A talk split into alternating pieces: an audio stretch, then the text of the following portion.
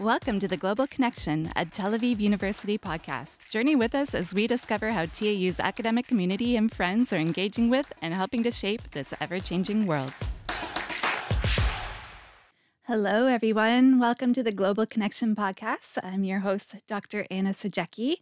And today I have with me uh, Professor, Assistant Professor Nadav Cohen, um, who is with the computer science with computer science at Tel Aviv University, where he is the director of the Deep Learning Lab. And his research focuses on artificial intelligence and specifically the theoretical and algorithmic foundations of deep learning.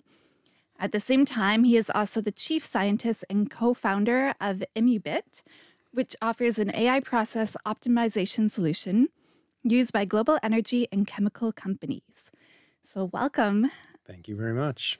Pleasure to be here. I'm, I'm glad you're here. Um, admittedly, I think I understood about three quarters of the introduction I gave.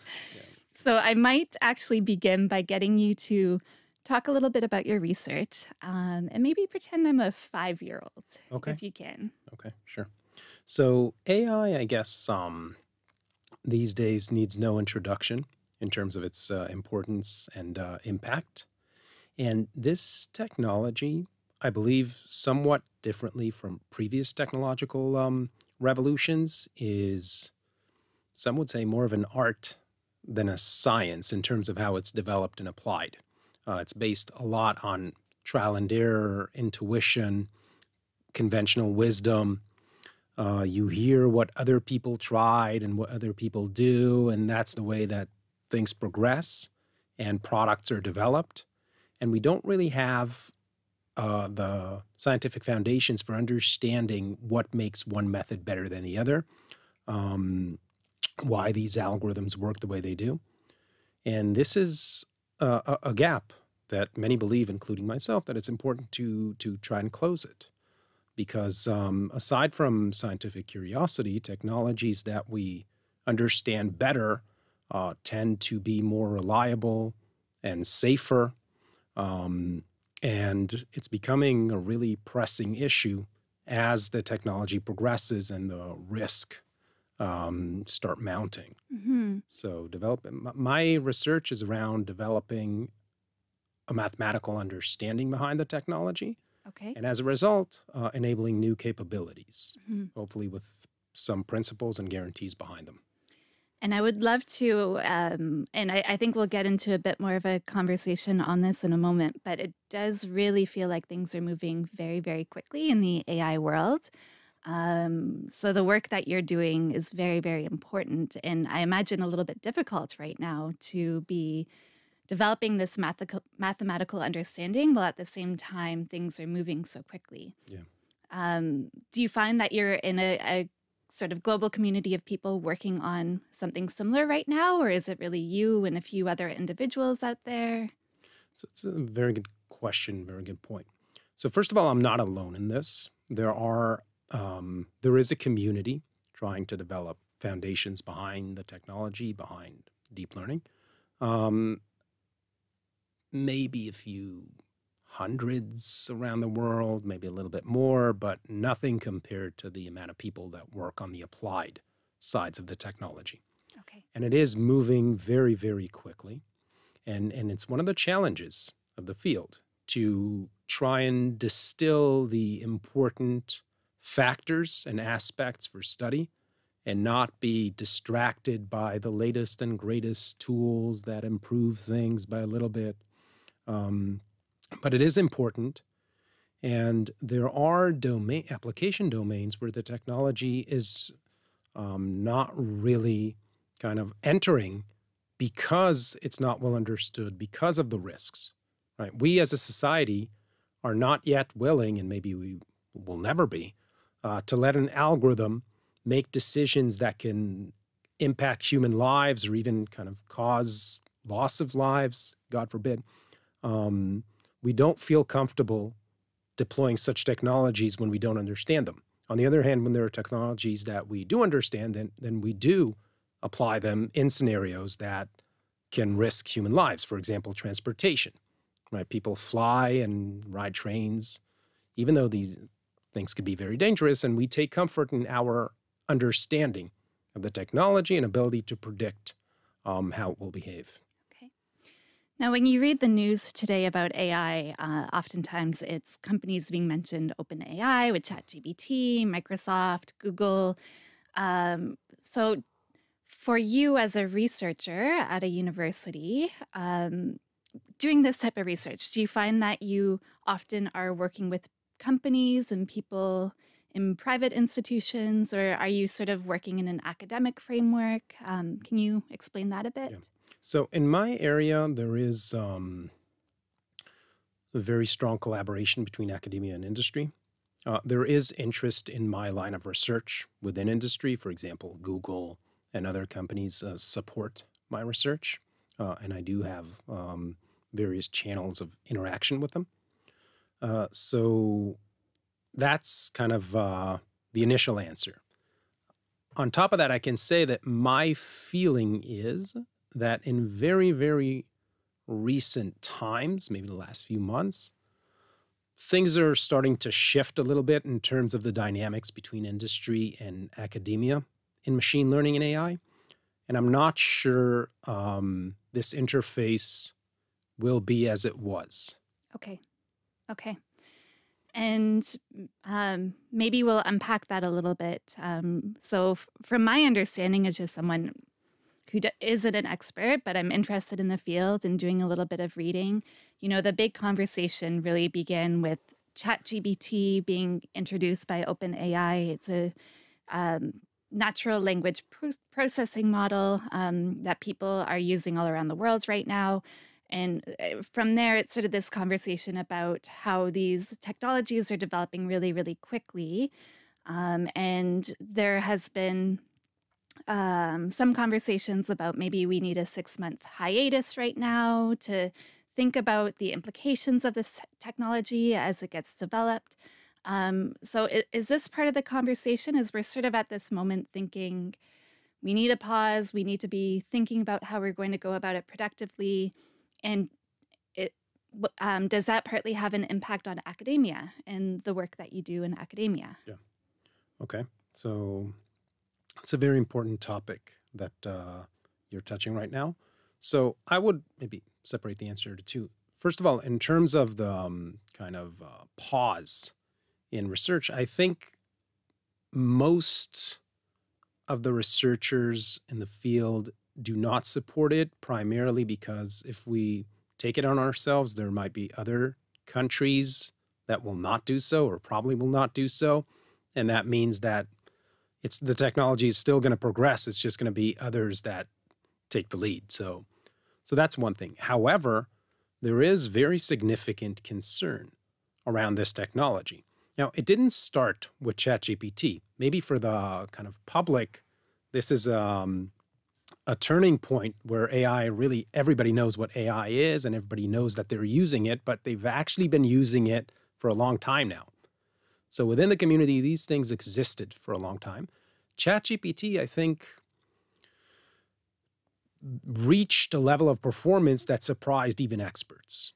Now, it's not necessarily that the all of the ideas applied there were unknown in the past. Actually, most of them, if not all, were. Mm-hmm. Um, it's just a matter of taking existing ideas to a scale that's unprecedented in terms of compute and, and data and things like that. Uh, but, but it did surprise experts. And now, in terms of the risks, I believe that alongside the amazing opportunities that the technology possesses, uh, it also uh, entails risks. And some of them are, you could say, familiar.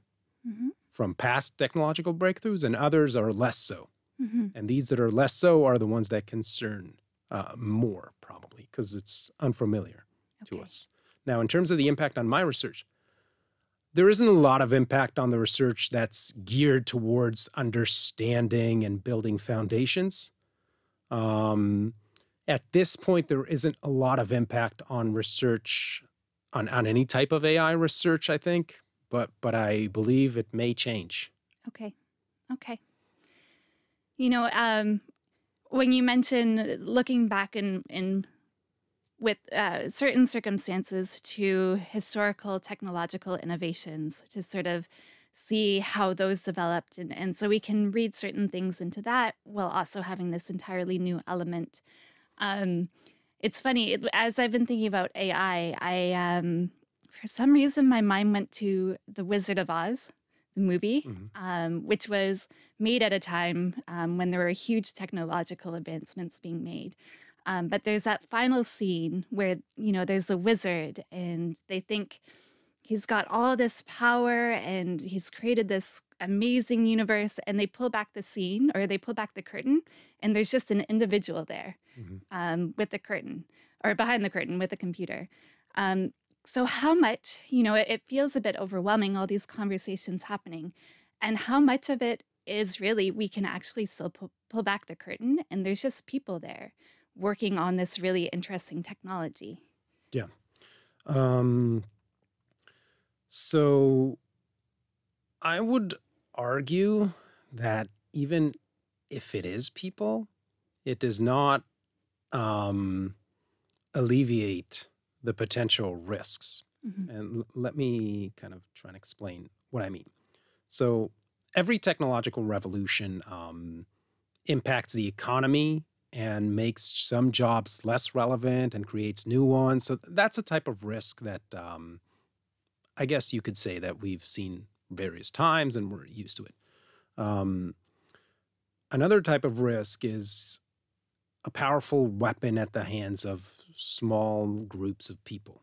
Like, even if it is an individual that's operating a very powerful weapon, it's still um, concerning, Mhm. right? We've had, you know, nuclear weapons. It's not one person, but it's one plane Mhm. dropping, could drop a bomb that causes immense damage. Nobody cares, or many people do not view the fact that it dropped from single plane as less concerning. In fact, it's maybe even more concerning. Mhm. So even if we see that it's one person causing so much damage, that means that two people could cause double the damage and, and so forth. Mhm. So that's, um, I guess, the way that I view it, and many colleagues that I talk to as well. And there's an even more frightening possibility, I think, and that is that even that single person could lose control over um, over the technology. Now, I'm not saying that this uh, that the world's going to end tomorrow, but you could be at a point, especially since we don't have um, the profound understanding of the technology and we don't um, kind of um, apply it in a way that is contained and that we have clear control over. You could imagine a situation where this kind of um, behaves like a wildfire, and even the person that ignited it can, can't stop it. Uh, you've brought up some great examples of risks in terms of comparisons, um, but can you talk a little bit about what type of risks um, could be on the horizon? Yeah. Okay, so I find it difficult to believe that mankind will become extinct in one day without any prior signs. Right now, this technology is living inside the virtual world, and there is um, a pretty clear separation between the virtual and physical world. The physical technologies evolved much less than people anticipated in the past. Maybe if you watch Back to the Future, in 1985, they predicted how 2015 is going to look like. We're not exactly there yet Mhm. um, in terms of, you know, flying vehicles. the and things. hoverboard, they're they're working on it. Yeah. Yeah. So we're not there yet. And people thought that we colonized the moon and things like that. And we haven't. We've evolved much more virtually. So there is a pretty clear separation. And I know this firsthand because of the company that runs on manufacturing plants. And it's not that from the internet, things just kind of uh, propagate into physical plants. So I believe that the realization of risks will begin within the virtual world. Um, and we will have an opportunity to respond. We, I meaning mankind or the Western world, our allies, we will have an opportunity to respond. An example could be of a scenario. Uh, it could be some kind of, you could say, uh, cyber attack, Mhm. but that just is running wild like a fire and nobody can really stop it without pulling the plug. And now we can, and, and it writes code and kind of adapts itself and it evolves. And we can theoretically pull the plug. Um, it, it, it's very costly. And I think there we will be at a point where action will need to be taken uh, by governments. We've seen fairly recently that governments can act quickly under extreme situations, like in COVID. Mm-hmm. Who would have thought that a lockdown would happen in a in a you know Mm-hmm. Mm-hmm. Western Mm-hmm. first world uh, country? So it can. We we will. I believe there will be a response, and there's a trade off between how effective it is and how non disruptive it is. If we are willing to go all the way, we can dismantle the risk. We just turn off the internet Right. everything. But we don't want to do this. The price is kind of unbearable in terms of the economy. So the question of where we're going to be on that spectrum, I believe that something is going to happen at some point. We will respond in a way that is effective uh, and at the same time disruptive. And I'm hopeful that as we go along and progress and develop more methods to cope with these risks, we'll be able to gradually go back to uh, a situation where our lives are not impacted that much and yet we are protected.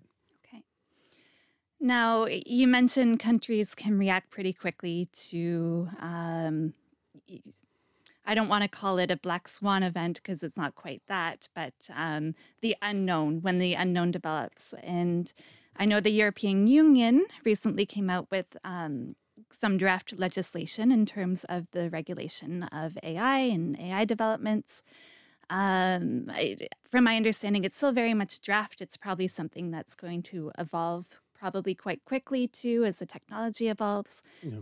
For you, what what are some guardrails? What are some regulations that you think would be helpful? Yeah, that's a great question. So, first of all, my guess is that these regulations will move too slow until something bad happens, and then there will be drastic moves. And just want to clarify when I say that I believe something bad will happen, it does not mean that we will become extinct, right? Right. It could Right. be some cyber attack of a scale that we that we we've never seen. Um, so uh, so that's uh, could you repeat the question? I kind of Uh, that. Regulations you think would be Yeah. helpful? So I think that they're uh, it's moving a little bit uh, too slow. What I would like to see, or I believe that at some point will happen, is that the compute power will be regarded as substance that can potentially lead to unconventional kind of weapons. Okay, just like chemical materials, sometimes even if they're benign on their own, they can be used to create different kind of bombs and things like that, and they're regulated. Hmm So I think that this kind of regulation will be needed. Okay. Uh, above a certain amount of compute, you're going to need a license. This is actually something that I believe is feasible because the market for hardware for compute uh, is pretty concentrated. Uh, there's a small number of companies that generate the hardware that most of the deep learning and AI compute run on, especially there's one big company, um, NVIDIA Mhm. and it is an American company. So I believe that that will be effective. That's a very important component. The licensing, there will be required to go through audits and things like that. But we have little control over what goes on in other countries. I'm hopeful that there will be uh, collaboration, Mhm. just like there was around nuclear weapons. Mhm. Um, but on its own, these things will be, I believe, um, it'll be hard for them to provide kind of a 100% coverage because there will be organizations that do not abide by regulations and law. Okay. Okay. Apart from a crisis happening, um, let's look into the future about 10 years from now um, and, and say the technology has developed in fairly productive ways. How, what sort of society do you imagine we'll be living in 10 years from now? That's a very good question. So I think there's so one one open question is whether this kind of artificial intelligence is going to hit a wall, and at some point we'll realize that it doesn't go all the way. Mhm. So we know that it can do things it couldn't do a few years ago, and it can do things that surprised even experts. But um, at its current state, it still has difficulties creatively, um, kind of um, creatively crafting new thoughts and ideas. It mostly kind of, and it, and it feels that way. If you ask it very deep questions, and it feels like it's kind of um, reproducing things that it saw. Mhm. So there's a question of whether we're going to realize that this extra mile is actually a big wall that we're far from kind of um, overcoming, Mhm. or if it's going to go all the way and this thing, the next version is going to be better, and the next one's going to be better, and it's gonna- it's just going to be super intelligent. So if it's the former, then I think we're going to be at a point where we have far better tools than we did before. We could do a lot more. It's going to increase our productivity, um, but it will um, the the impact on our lives will be much lesser than if it's the latter.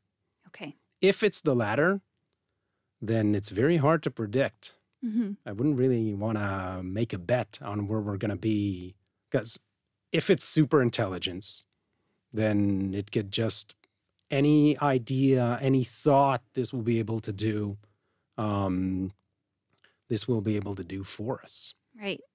Um, and it might be kind of an obvious statement, but right now I feel like uh, what's being produced in terms of knowledge is still very much a human knowledge and logic because it's taking information from the internet, from sources of information that humans have created. Mhm. Um, what does a superintelligence even look like? Like for me, it's hard to comprehend. Is that a human superintelligence? Does it completely go in a, you know, uh, beyond human logic? Um, Do you think about that often? Yeah.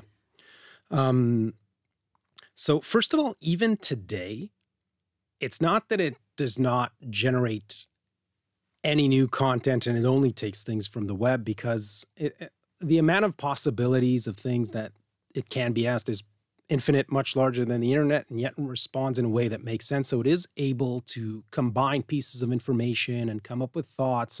It is able to do that. Mhm. It's still arguably not able to generate profoundly new ideas that come out of uh, out of nowhere. So, um, yeah, could you repeat the? I'm kind of losing. I'm- yeah, I'm, going I astray. know Just, I that could talk about this stuff for complex, hours. Complex topic, but um, what what does that superintelligence Yeah, so- possibly look like? Well, you know, in the past, people were making calculations manually, and then a calculator came in, and it could do it much, much better than us. So there are various things that we'll be able to do much better than us, and it happens today. Mhm. Uh, what is, I think, new here is that it could actually do the things that we thought are unique to us, it can do them as well.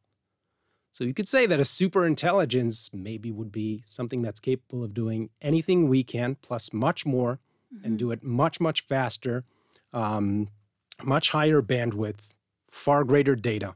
Mm-hmm.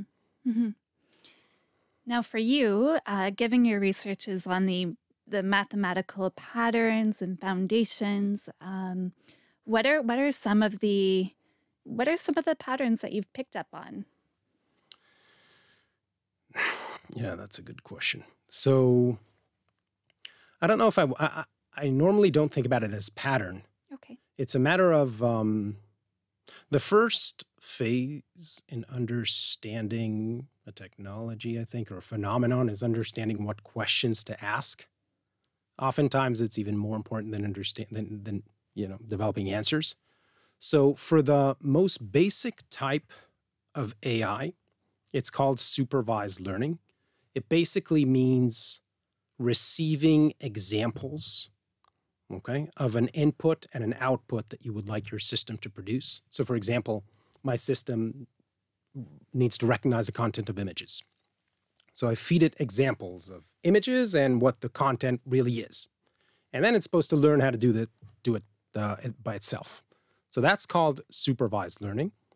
Uh, and in that setting, which is the most basic and still the most common, I think we've reached a point uh, where we understand what the important questions are and we have answers to them, at least in simplified settings. Um, and basically, right, like really in high level, the questions are what kind of relationships can the model that you are training, what kind of relationships is it even able to describe? Mm-hmm. That's one question. Uh, another question is how can you take that model and adapt it to the data that you saw? And a third question is if you have taken that model and adapted to the data that you saw, how well is it going to behave? How accurate is it going to be on data that it hasn't seen? So these are kind of three separate questions. Each of them has a different name and theories around it. Um, and kind of my research was around these three questions and developing uh, answers, solving different simplified settings. And then oftentimes empirically, after you've gained some understanding of a simplified setting, then empirically you evaluate it on more complicated settings and kind of demonstrate your conclusions. Okay. Things like that. Okay. And how often do you find it's predictable? And how often is there kind of a surprise that comes up as you're doing these evaluations? Mm, so it's a question if, if, are you asking about the surprise coming up from the theory or from the experiments? I, I you know what? I'm going to turn that back on you. What would you prefer yeah, to? So let me answer maybe a bit of a different question. Okay. Um, there is a lot of trial and error okay. um, in in the technology in general, and uh, you could say that this is a surprise because you try things and then you kind of develop your intuition, but you don't really have the ability to predict in advance uh, what's going to happen. So there's a lot of um, trial and error, and maybe 10 years ago, I had this kind of secret hope that theoretical understanding is going to replace all of that. And we won't have that at all. So today, I'm kind of a little less optimistic or more realistic. I don't think that this practice of trial and error, trying things out, I don't think it's going to go away. Mm-hmm. But the still, the amount of things that you can try is basically infinite. So even if you and a million other people around the globe are trying things, we can only try a small subset of all mm-hmm. possibilities. Mm-hmm. So the theory,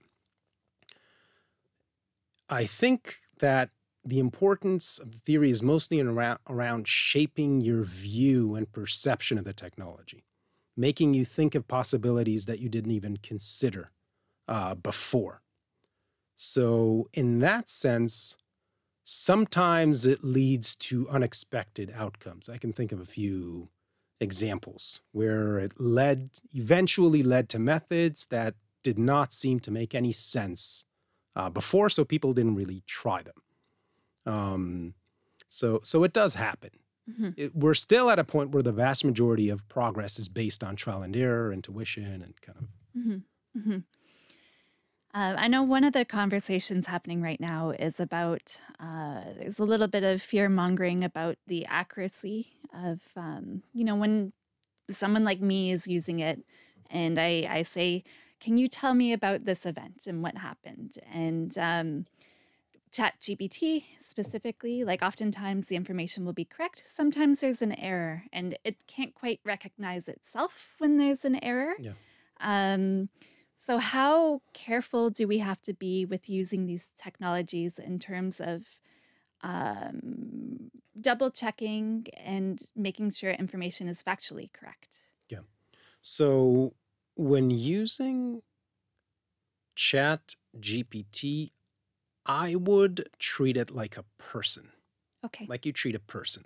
Okay. So, which is not the world's number one authority on the topic of, under discussion. So I think it's very good for things that you can easily verify. Okay.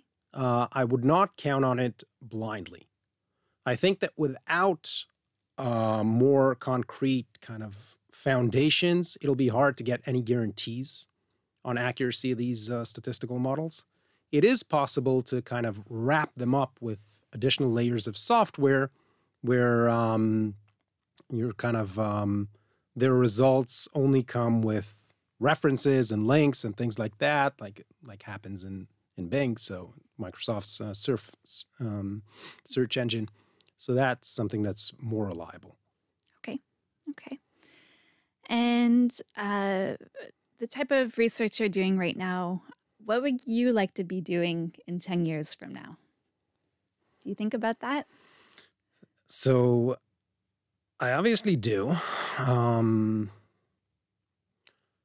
I was drawn to this field of artificial intelligence because I kind of really like the combination between math and theory on one hand and kind of actual uh, systems on the other. And it is something that I definitely see myself um, continuing in for my entire uh, career. Um, I think that there is a lot to uncover. And I believe that at some point, the proliferation of the technology will be um, kind of um, prevented or, or slowed down by us because we don't have sufficient understanding. So I do think, despite the amazing progress that we've seen, um, that the foundations are super critical uh, for improving for improving our lives and for solving various types of problems, especially in the physical world. A lot of our problems are in the physical world. Mm-hmm. For example, climate change and, and in medicine, cancer, things like that. Mm-hmm. Um, so I think that in order to harness this technology to help address these problems, we're going to need foundations, and uh, I'm hoping to contribute there. Okay.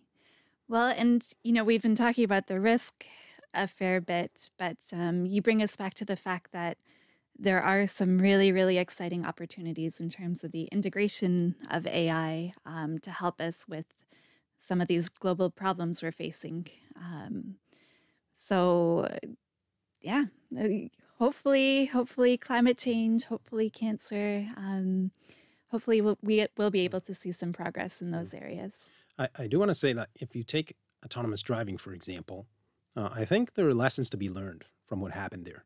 Um, because we're, I guess it's a controversial statement, but I believe that from a technological standpoint, we've reached a point where, at least in some conditions, these systems, autonomous driving systems, are safer than, than people.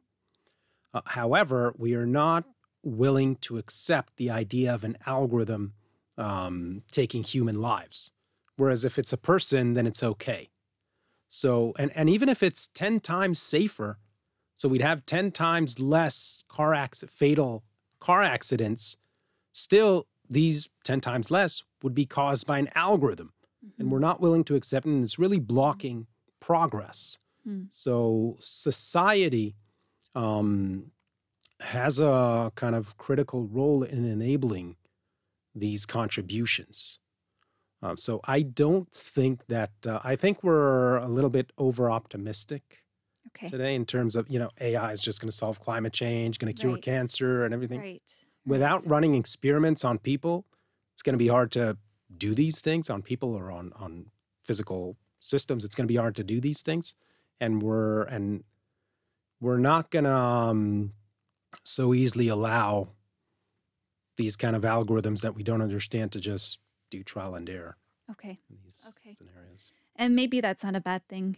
I don't know. I'm not really sure. But uh, what I am sure of is that I'm really glad that you joined me today um, to have this conversation. Uh, there's still so much to unpack and learn, and uh, it's wonderful to to talk to you and, and, get to learn a little bit more about the things we we should be thinking about right now. So thanks a lot. Thanks thank for you. having me. Thank you, Nadav. Thank you. Welcome to the Global Connection, a Tel Aviv University podcast. Journey with us as we discover how TAU's academic community and friends are engaging with and helping to shape this ever changing world.